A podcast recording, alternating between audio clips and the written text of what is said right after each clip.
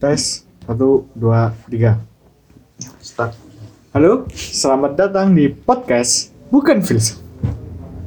Saya bersama dengan teman saya. Hari ini kita akan membahas tentang buku karya Mori Ogai berjudul Vita Sexualis.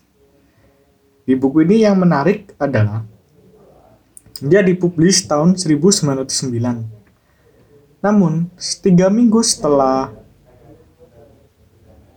beredarnya buku ini, buku ini sempat ditarik oleh pemerintah Jepang karena pemerintah Jepang takut akan isu-isu sexual desire, terus sex, edu sex education yang waktu itu terjadi di era-era Meiji. Di buku ini menceritakan tentang seorang anak bernama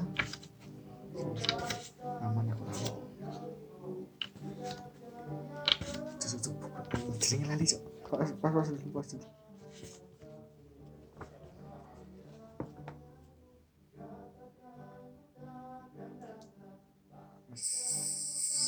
bernama Shizuka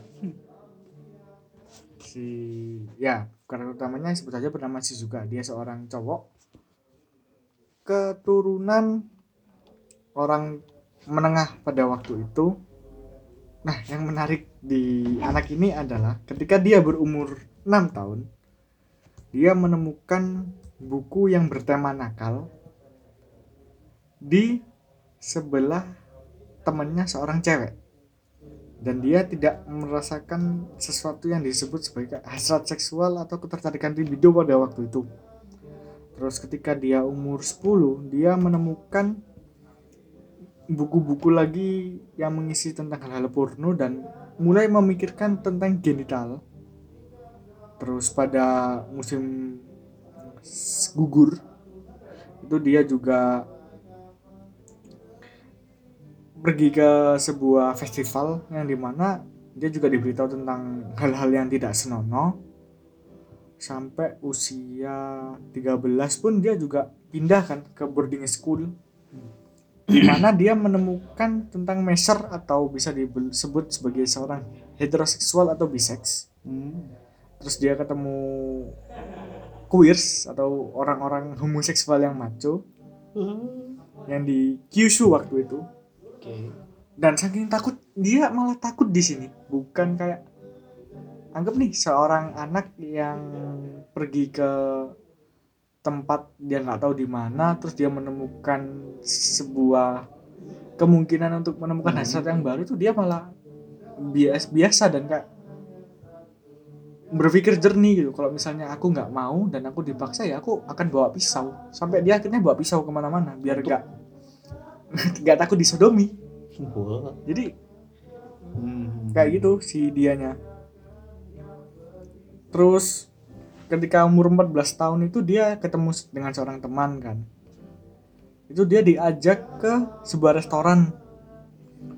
Nah lucunya di sini gini dia ke restoran ini bukan karena sesuatu yang benar-benar spesial menurut kita loh ya. Hmm, hmm, hmm. itu karena temennya dia itu merayakan first kiss-nya dia. Hmm. mereka first kiss terus diajaklah dia ke sebuah restoran gitu. Ngambil diceritain kak ini lo rasanya first kiss ini lo kayak gini gini. Dan dia kayak dia tetap nggak ada hasrat seksual dia malah tetap stay low dia malah cuma penasaran gitu dong oh jadi kamu udah gini terus kayak gimana oh gini itu terus juga dia punya temen kalau nggak salah itu namanya Koga Hmm. Nah, si Koga ini dia seorang queers atau homoseksual yang maco tadi. Hmm. Itu yang jatuh cinta sama seorang bocah. Namanya Adachi. Yang Hmm. di mana mereka sempat nih berhubungan si Koga sama Adachi. Dan uniknya si Adachi adalah dia untuk menjaga privasi kamar karena kan kamarnya untuk orang dua satu kamar dan Hmm. karena dia tahu si Shizuka ini bukan seorang queers juga atau seorang homoseksual Hmm. dia melakukannya itu di kamarnya Adachi karena dia pun juga pemikiran kalau aku ingin melakukan hal kotor seperti melakukan hubungan seksual itu aku tidak boleh melakukannya di tempat suci seperti kamarku Oh. tapi aku harus melakukannya di tempat lain sehingga dia malah di kamarnya Adachi walaupun Hmm. kamarnya Adachi sebelahan dan si Shizuka tuh kedengeran kalau malam mereka lagi tepuk-tepuk gitu lagi beradu itu kedengaran Iya, iya. umur 16 dia juga masih tetap Hmm. ini dia tetap perjaka lah si Shizuka Hmm. ini terus umur 17 dia udah mulai disuruh untuk nikah atau mau dijodohin. Terus di umur 18 itu ada seorang pembantu yang jatuh cinta sama dia tapi dia tetap berpegang teguh gini. Hmm. mungkin kalau secara pengetahuan atau secara jiwa dia mapan. Terus secara finansial dia mapan. Tapi dia selalu membawa satu hal yang bagi dia tuh nggak mapan Hmm. fisik Oke. walaupun itu dijodohkan tapi dia masih tetap memandang bahwa "Ya, aku nggak mapan secara fisik buat apa kalau aku nikah terus cerai atau dia malah menolak perjodohannya Ini, ini ini si main itu. Hmm? Apa? Itu si si Shizuka si karakter utama ini Oh. dia berpikirannya seperti itu terus Shizuka itu cowok apa cewek? cowok Oh, cowok. namanya emang Shizuka siapa gitu aku agak lupa ini Hmm. Soalnya kalau yang di bukunya kebanyakan menggunakan kata aku. Hmm. jarang dia menyebutkan namanya gitu jarang. Nah terus di umur 19 itu dia lihat si dosennya ketika dia mau lulus itu Hmm. lagi berhubungan sama seorang geisha. Nah, si dosennya dia ini itu orang yang wah kaku banget. Terus apa ya? Kaku terus bisa dibilang kayak tipe-tipe guru killer lah dosen killer Oke. gitu tapi ketika dia mabuk dengan sakit terus ketika dia melihat atau berhubungan dengan seorang geisha dia berubah 180 derajat Hmm. kayak ras pikiran rasionalnya dia terus pikiran dia tentang moral itu berubah karena seorang cewek dan libidonya tertarik di sana Hmm. Hmm. Hmm. sampai dia ditanyain sebuah makanan favorit dia yang dia suka kentang kentang tumbuh dengan kastanye manis yang itu sebenarnya makanan yang aneh pada waktu itu gitu loh. Hmm. sebuah kentang yang ditumbuk yang seharusnya buat makanan berat kan. Iya, iya. kok sama kastanye manis gitu Ah, ah, ah. dicampur. Kok dia bisa sevulgar itu gitu. Umur 20 tahun dia ketemu seorang perempuan yang kemungkinan itu bisa menikah. Terus di waktu yang sama tapi di musim dinginnya dia tuh akhirnya Hmm. berhubungan setelah bisa dianggap dari usia dia ini tadi ya 5 ya eh 6 ya Hmm. pada usia dia 6 sampai 21 eh 20 20 musim dingin pertengahan Hmm. pertengahan dia 20 akhirnya dia bisa merasakan kayak oh ini loh seks gitu oh ternyata kayak gini baru bisa merasakan rasanya setelah dia cuman menerka-nerka Hmm. Hmm. Hmm. dan pada umur 21 ya sekali kamu melakukannya kamu nggak akan pernah keluar Hmm, udah tahu rasanya. udah tahu rasanya kan nah di sini yang menurutku juga menarik adalah kondisi selain kondisi Jepang distrik merahnya ya pada Hmm, waktu hmm, itu hmm, hmm. di era-era Meiji di mana era Meiji itu terkenal dengan kedatangan bangsa barat ke Jepang di mana Hmm. penerimaan bahasa Jepang Iya, iya. dengan barat mereka saling bertukar pikiran mereka saling apa ya bertukar budaya Hmm. terus geisha itu juga udah menjadi konotasi yang miring sebelumnya karena sebelumnya geisha bukan jatuh di bidang prostitusi Hmm. tapi baru pada era Meiji penggeseran Jepang atau geisha di geisha apa geisha ini menjadi sebuah ajang untuk prostitusi dan di sisi Hmm. lain aku melihat si Mori Ogai itu dia berusaha untuk mendekonstruksi seks dan sosial Hmm. karena setelah perjalanan ini aku jadi mikir kebanyakan dari kita mungkin kita akan terangsang atau mungkin kita akan mengatakan kita punya insting untuk menikah kita akan punya insting untuk memiliki keturunan berhubungan intim dan sebagainya itu kan juga dari lingkungan Hmm, dari hmm, hmm. sosial tapi kalau kita menjadi orang yang kayak si Shizuka di si karakter utama yang frigid atau dia punya anggap aja dia punya libido yang rendah untuk melakukan hal itu maka pikiran-pikiran itu nggak akan terjadi gitu gimana menurut mas? referensi dia tentang seksual gitu ya Hmm. kalau dilihat-lihat sih emang bukunya itu kayak apa namanya eh, lebih menekankan tentang perkembangan seksual di Jepang di saat itu ya kayaknya ya. karena di mana yang sebelumnya hal tersebut apa namanya eh, eh, eh, sangat minim edukasi tentang seksual gitu yang pada akhirnya apa namanya eh, homoseksual itu apa eh, seksual itu bisa berkembang bahkan sampai ke kalangan anak-anak bisa tahu tentang hal itu Hmm. tersebut. Kemudian apa namanya bahkan di umur-umur belasan tahun gitu homoseksual itu juga sangat sangat sangat berat. sangat iya sangat luar biasa gitu loh di terjadi di pada saat itu ya. Memang memang sepertinya bukunya nggak terlalu menekankan tentang apa namanya eh, seksualitas dari main tokoh utamanya ya gitu. Hmm. bukan bukan tentang apa perjalanan seksual si siapa? Si Shizuka hmm. Shizuka Kanai apa siapa gitu. Ya ya iya Shizuka Kanai ya. Karena itu nggak salah. Jadi eh, perjalanannya hanya kayak seolah bagaimana eh, seksual itu ternyata apa namanya ketika edukasi itu tidak diberikan gitu tentang seksual itu gitu akhirnya apa orang menganggap hal-hal tersebut hal yang lumrah gitu. Sehingga ada ada sebuah masalah di mana hmm, di anak-anak yang masih berumur sekitar belasan tahun itu mereka uh, menganggap seksual di umur segitu itu hal yang lumrah gitu. Hmm. itu sih sebenarnya sih aku melihatnya apa namanya uh, penggambarannya seperti itu sih dalam buku itu sendiri ya gitu. Kalau aku sendiri juga melihat si Mori Ogai selaku penulisnya itu dia mencoba menantang atau beroposisi dengan Hmm, para penulis-penulis Jepang pada era itu. Karena penulis-penulis Jepang pada era itu dia lebih berkiblat kepada gaya penulisan naturalis hmm. bahwa ya yang ada tuh ya dunia realita ini gitu nggak ada Hmm. dunia mungkin Hmm.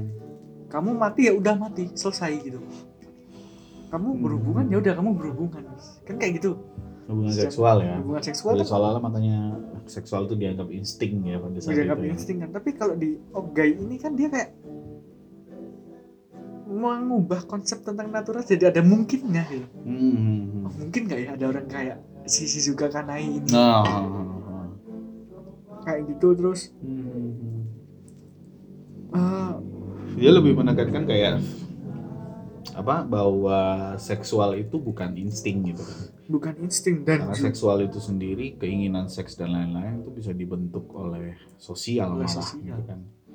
Buktinya kayak dia umur 6 tahun. Coba deh si Mas bayangin kak 6 tahun diberitahu buku nggak senonoh gitu kan? Hmm, terus kita sama-sama nggak punya pengalaman tentang pengajaran seksuality terus kita lihat teman kita cewek yang di sebelah yang sambil bareng-bareng lihatnya kan? Oh kayak gini kan? Ya kita biasa aja gitu. Hmm, hmm, hmm, hmm. tapi ketika kita balik ke orang tua terus oh itu nggak boleh itu hal yang tabu itu hal yang gini. Nah rasa Hmm. curiosity kita akan berubah kepada rasa mencoba oh iya iya. Daripada si si juga karena ketika dia tahu dia anu ya pergi aja kayak oh ini apa? gitu. Ditunjukin gambar paha dan bagian vital seorang wanita ya kayak tangan. Diketawain sama temennya si cewek kayak ha gitu. Terus ya udah dia pulang kayak malu loh. Aku apa salahku? Dia pulang tapi gak bilang kayak oh ya wis gitu. Hmm, hmm. baru sampai dia usia yang ke 10 baru dia tahu oh ini ternyata genital. Hmm, dia tahu dengan instingnya sendiri bahwa oh ini genital. Tapi dia nggak ada secara insting untuk oh berarti ini harus bertemu dengan bagian organ khusus juga gitu kan. Oh ya wis kayak gitu Hmm. doang. Dan kayak memotivasi kita di mana seksualitas itu bukan gambaran tentang motivasi dari dorongan atau sesuatu yang terjadi secara organik. Hmm, hmm, hmm, nggak selalu orang pengen apa berhubungan seksual itu karena itu kan karena dorongan dorongan psikis gitu kan. Hmm. ya itu memang terjadi sih. Ya kayak, kayak kita lihat fenomena ada orang-orang yang memang tidak ingin melakukan tersebut melakukan hal tersebut dengan bukan dengan orang yang dia inginkan gitu kan Hmm. itu itu sering terjadi kan hal-hal seperti itu dan kayak dia aku merasa mungkin si Shizuka Kanai ini bagiku ya setelah aku membaca Vita Seksualis ini dia sebagai gambaran menurutku loh ini manusia ideal di mana dia memandang seks itu sebagai sesuatu yang plain atau sebagai sesuatu yang putih Hmm. kayak kita sama-sama mungkin Mas Tas setuju nggak kalau misalnya manusia itu terbentuk dari segala sesuatu yang suci Hmm. atau diberkati dengan banyak hal suci Hmm. tapi di sisi lain ia juga dianugerahi dengan banyak sekali titik lemah Hmm, hmm, hmm, hmm. menarik aku mikirnya di situ sih kayak mungkin ini sama ya lebih ke kayak nggak tahu apa-apa kan Iya. karena orang yang awalnya nggak tahu apa-apa kemudian kan sosial kan memberikan referensi tentang sesuatu gitu. Tentang apa namanya eh, eh, eh, eh, gambaran-gambaran tentang bagaimana untuk menjadi seseorang di lingkungannya gitu kan. Iya. Itu menarik sih. Kayak apa ya dia punya pemikiran seperti itu. Pada era-era di mana Meiji lagi gede-gedenya distrik merah. Hmm, hmm, hmm. tapi bisa nggak ya? Kayak eh, ini aku akhirnya mikir. Hmm, bisa nggak manusia itu sebenarnya hidup tanpa sebuah libido? Karena mungkin kalau yang di barat kan ada nih Hmm, di mana kata Sigmund Freud ya bahwa manusia tuh punya hasrat dan didorong oleh libido. Hmm, sedangkan pada timur ini kan lebih kita bisa dibilang kayak mematikan hasrat lah. Kayak di Buddhisme Zen dan sebagainya hmm, kayak hmm. my body is my temple. Kalau yang dianut oleh orang-orang feminisme Hmm, sekarang hmm, terus hmm, yang di mana ya aku bebas gitu. Hmm. aku nggak selalu tentang libidoku gitu. Hmm, hmm. bahkan anak biksu yang dia emang nggak di memilih untuk tidak bercinta sama sekali Hmm, but they do masturbating. mungkin itu yang jadi agak anu ya blunder ya Eh, I mean apa namanya ya walaupun intensinya adalah eh, biar biar nggak jadi penyakit ya hmm. Ketika apa namanya s- sperma itu nggak dikeluarin gitu kan Nah. kan pasti kan ada secara medis itu akan bermasalah gitu loh. Dan akhirnya harus dikeluarkan dalam proses-proses tertentu. Cuma kalau purely bahwa dilak dengan tanpa mengetahui apa itu seks gitu. Hmm. dalam artian itu malah jadi mungkin gitu. Ketika mereka encountering hal tertentu kayak terus akan ada karena manusia itu adalah split subject gitu kan. Jadi dia tidak mengetahui dirinya secara utuh tapi dia mengetahui dirinya secara part per part gitu. Hmm. dia akan mempertanyakan gitu. Kayak dia akan mengetahui oh gunanya tangan itu untuk memegang melakukan sesuatu kaki untuk melakukan buat jalan buat macam-macam gitu. Terus dia akan merasa aneh ini ada sesuatu di tengah paha saya gitu kan yang menggantung gitu. Ini kegunaannya apa, Apa? gitu kan. Ada curiosity lain yang yang yang akhirnya ingin tahu eh, eh, eh, kegunaan dari certain part of body gitu loh. And then ketika dia melakukan sesuatu mungkin apa namanya memegang dan lain-lain. Terus habis itu wah kok tiba-tiba keras gitu. Kok digelus kok enak anjing. Kok keterusan justru kan malah eh, orang tersebut harus tahu gitu loh. Harus ada pemahaman tentang kegunaan dari apa eh, certain body certain body part ini gitu loh. Untuk Hmm. sesuatu otomatis. Untuk orang itu orang tidak memiliki hasrat seksual justru dia harus tahu seksual itu apa dulu gitu. Dan kegunaannya apa? Dan bisa dilihat di bahwa di buku ini bahwa tanpa edukasi seks yang apa eh, memadai gitu maka seksual itu malah jadi insting aja gitu. Malah Hmm. jatuhnya di buku ini dilihat digambarkan bahwa apa namanya dengan masuknya budaya barat kemudian pengaruh-pengaruh hal-hal tersebut gitu tanpa memahami edukasi pentingnya eh, apa namanya pemahaman tentang seksual di di eh, apa generasi tertentu Hmm. malah jatuhnya mereka apa namanya menganggap hal ini yang lumrah-lumrah aja gitu maka Hmm. memang eh, jatuhnya kalau memang benar-benar membuat sosial yang tidak memiliki libido justru aneh karena untuk tidak memiliki libido orang harus memahami apa itu libido dulu gitu. Hmm. jadi kayak seolah-olah ya oke lo nggak melakukan seks gitu. Tapi akhirnya lo harus memahami kenapa gua nggak boleh melakukan seks? Kenapa gua nggak boleh melakukan hal-hal ini gitu? Ada penjelasan-penjelasan yang mengenai seks gitu yang akhirnya mungkin ada drive di mana ada ada ada referensi sosial yang mengatakan bahwa eh, oh seks itu berbahaya. Oh seks itu dosa. Oh seks itu apa? Seks itu apa? Gitu. Yang akhirnya membuat ya oke muncullah lingkungan sosial yang tidak tidak memahami eh, libido seba, apa libido seks itu sebagai apa namanya eh, insting gitu. Hmm. Nah, akhirnya socially eh, apa namanya insting seks itu akhirnya terepresi oleh apa eh, eh, sosial itu lagi gitu. Ya itu sih. Kalau mengatakan apakah kita mungkin bisa hidup di lingkungan tanpa libido gitu. Kalau tanpa libido per se itu nggak bisa gitu Hmm. akhirnya kita harus memahami untuk kita tidak melakukan libido tersebut gitu tidak tidak ter- terjerumus atau jeblos dalam libido seks itu sendiri gitu harus ada pemahaman tertentu mengenai seks itu lagi akhirnya jadi purely nggak pak nggak ngerti seks juga akhirnya kita akan cari tahu sendiri gitu ketika memahaminya baru Jadi tetap tetap tetap harus ada sih Itu harus ada. Dan iya iya.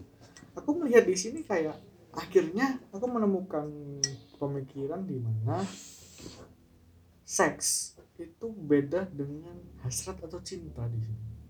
hmm Jadi sex is not about your desire. Sex is not about you love someone Hmm. together and let's make a kid gitu kan. Hmm. Ini bukan sesuatu yang organik. Hmm. Beda dengan jadi kayak ada pemisahan sendiri antara ini hasrat, ini cinta, Hmm. terus ada lagi sendiri ini seks gitu. iya iya iya iya Bahkan kayak masturbate sendiri ya walaupun tanpa pasangan, tanpa bisa dibilang hasrat ada ya mungkin hasrat pasti ada hasrat pasti ada cuman kayak pasangan atau kan kita hanya mengimajinasikan Hmm, hmm, hmm. dan kita terpuaskan gitu tanpa perlu do it more or Hmm, hmm. Kalau hal tersebut ya memang sih gitu. Kalau dari psikoanalisis Lakong sendiri ya bilangnya eh, tidak ada yang namanya sexual relationship gitu atau hubungan secara seksual gitu. hmm. Tapi ya ada ya eh, seksual itu sendiri ya. dalam artian bukan berarti eh, Lakong mengatakan bahwa sexual relationship itu tidak penting enggak tapi memang secara eh, apa strukturnya eh, hubungan seksual itu sendiri malah bisa dibilang kalau kita bicara relationship gitu Hmm. apa namanya maka ke tidak ada relationship antar subjek dalam seksual gitu. Hmm. Jadi tidak ada hubungan antara subjek dengan objek, malah memisahkan. Jadinya subjek bukan subjek dengan subjek tapi malah subjek dengan objek gitu. Ah, anu misrecon misrecon apa namanya? Misrecognition. Misrecognition. Ah, misrecognition. Jadi pada akhirnya sebenarnya bukan apa namanya? bukan seolah-olah eh, seseorang having sex itu karena apa namanya? eh, karena dia mencintai si cewek gitu. Si Hmm. cowok itu having sex dengan cowok, cewek itu berarti karena dia bukan berarti karena mencintai si cewek, tetapi lebih kepada eh, dia me- memiliki hasrat terhadap eh, satu part dari tubuh si cewek gitu Hmm. nggak tahu entah teteknya entah keteknya Fetish. fetis tertentu lah ya bisa dikatakan fetis gitu ya gitu atau mungkin ya vaginanya kayak gitu Ah. jadi pada akhirnya apa namanya kalau mengatakan seks itu sendiri eh, jatuhnya ya tidak ada hubungan antara subjek dengan objek. Anda eh, jadi seseorang telah mengobjektifikasi seseorang, su- subjek telah mengobjektifikasi subjek lain gitu untuk memuaskan dirinya. Istilahnya apa namanya eh, kepuasan tentang seksual itu bisa dibilang nggak bisa dipuaskan oleh dirinya sendiri, maka dia membutuhkan suatu objek. Objek itu apa? I don't know, either mulut, tete, apa, payudara atau vagina kayak gitu. Nah, nah untuk un- tapi pada akhirnya pun eh, dari hasrat ini ada hal lain selain hasrat yaitu namanya cinta itu tadi. gitu. Hmm. Cinta itu apa eh, apa namanya? Eh, cinta itu bisa dibilang karena seks itu tidak termediasi secara langsung eh, apa tidak termediasi gitu. Hmm. Perlu alat kan dia. Ma- maka cinta itu kayak menghadirkan sesuatu yang memediasi gitu hal tersebut makanya hadirlah yang namanya cinta itu tadi menarik sih sini kayak dan itu malah pemikiran-pemikiran kayak gini kadang terjadinya di negara-negara atau peradaban yang dia tidak terlalu mengajarkan tentang sex education hmm, hmm, hmm. Fem- ya untuk beberapa mungkin kayak di negara-negara timur kita kan membuas ya contoh aja kayak tempat kita sendiri lah Hmm. di mana ya tapi kalau di tempat kita sendiri aku melihat masih ada faktor lingkungan yang menyebabkan kayak hal itu adalah hal yang tabu. Karena itu hal yang tabu maka kita mencoba. Hmm, tabu apa sih? Iya iya iya.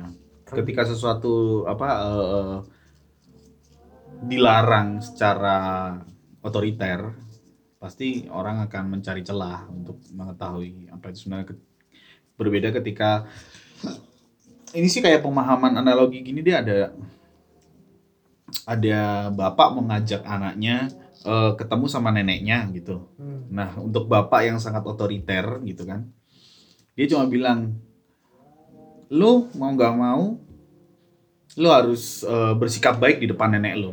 Hmm. Terserah, terlepas lu suka atau enggak sama nenek lu kayak gitu kan. Jadi intinya si anak masih bisa di eh, eh, masih boleh untuk tidak suka sama neneknya gitu, ketika walaupun di depan neneknya dia harus berlagak dia suka, gitu Suka. kan berbeda dengan eh, bapak yang moderat dan cukup apa namanya eh, eh, eh, tidak otoriter gitu yang Hmm. mengatakan ya eh, nenek lu itu sayang banget sama lu kemudian nenek lu itu eh, apa namanya eh, sangat ingin ketemu sama lu gitu jadi ketika lu kalau walaupun lu nggak suka sama nenek lu ya nggak masalah gitu. Tapi apa namanya eh, dia memberitahukan memberikan sebuah pengertian bahwa sebenarnya nenek lu sayang lu. Jadi at the end bukan cuma lu di apa namanya Disuruh harus bersikap disuruh bersikap baik di depan nenek lu tapi lu disuruh untuk juga memahami apa namanya eh, eh, untuk juga dipaksa untuk suka sama nenek lu kayak gitu. Hmm. ya istilahnya eh, bisa dibilang bahwa eh, tentang seks itu sendiri ketika benar-benar di cara or- otoriter dilarang untuk melakukan bahwa itu sangat tabu ya pada akhirnya kan orang akan kayak ya oke gua nggak akan menunjukkan itu secara frontal gitu. Hmm. tapi apa namanya gua akan melakukan di belakang gitu. Kayak kayak secara sembunyi-sembunyi atau gimana gitu kan.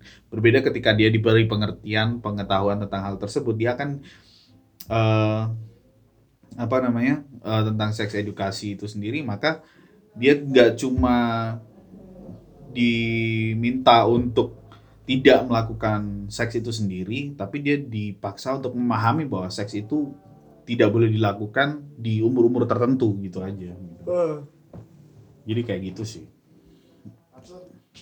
Ya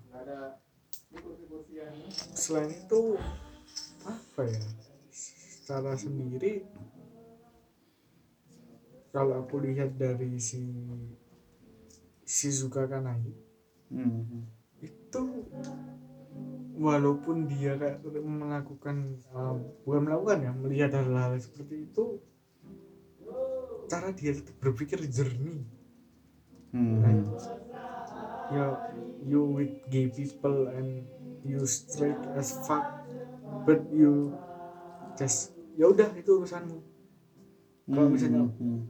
lu megang gue ya pisau ini nancep kayak gitu Hmm. Hmm. Hmm. walaupun kalau di buku si Shizuka Kanai ini paling muda waktu itu di sekolah itu Hmm. Hmm. yang lainnya udah lebih tua dan badannya lebih besar Iya iya iya.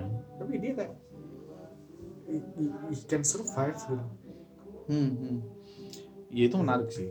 ada sisi di mana dia pun merasakan bahwa seks ini adalah sesuatu yang mengerikan ketika seseorang terlalu mengejar itu maka dia akan menjadikan seks sebagai self destructnya dia sendiri Hmm. Hmm. Hmm. Hmm. di mana kayak etika moral udah nggak ada Iya iya. lu suka sama orang lu tangkap dia lu perkosa lu puas udah gitu Hmm. Hmm. Hmm. Hmm. itu yang kayak bagiku relate banget di dunia sekarang untuk tulisannya Ogai di Hmm. tahun 1909 Hmm, hmm, hmm. I- itu yang terjadi sih gitu. Eh, namun ya nggak sefrontal di bukunya si Ogai ya, di mana Iya. itu terjadi apa namanya eh, tidak ada hukum atau pembelajaran secara langsung mengenai seksual itu sendiri gitu loh Hmm. pada saat itu gitu.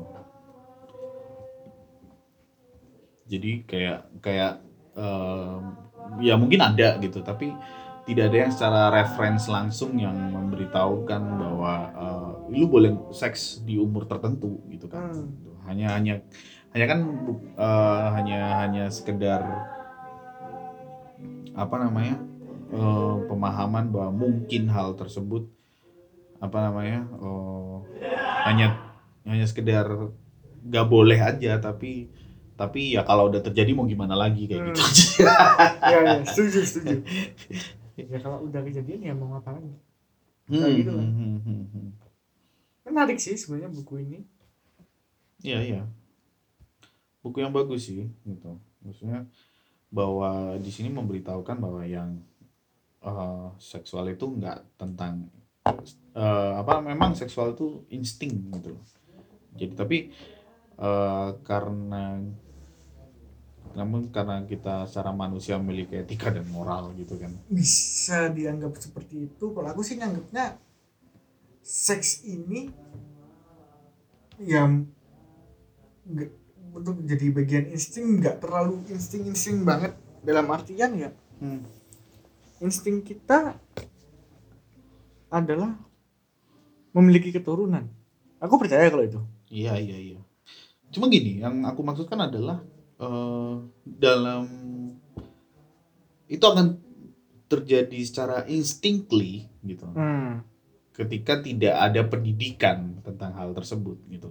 Hmm. Ya kita bisa katakan bahwa si Shizu- Shizuka ini adalah seseorang yang eh, memiliki istilahnya edukasi tentang itu maksudnya dia membentuk edukasi itu sendiri dalam dirinya gitu Hmm. tentang tentang bahwa seksual itu berbahaya menurut dia gitu.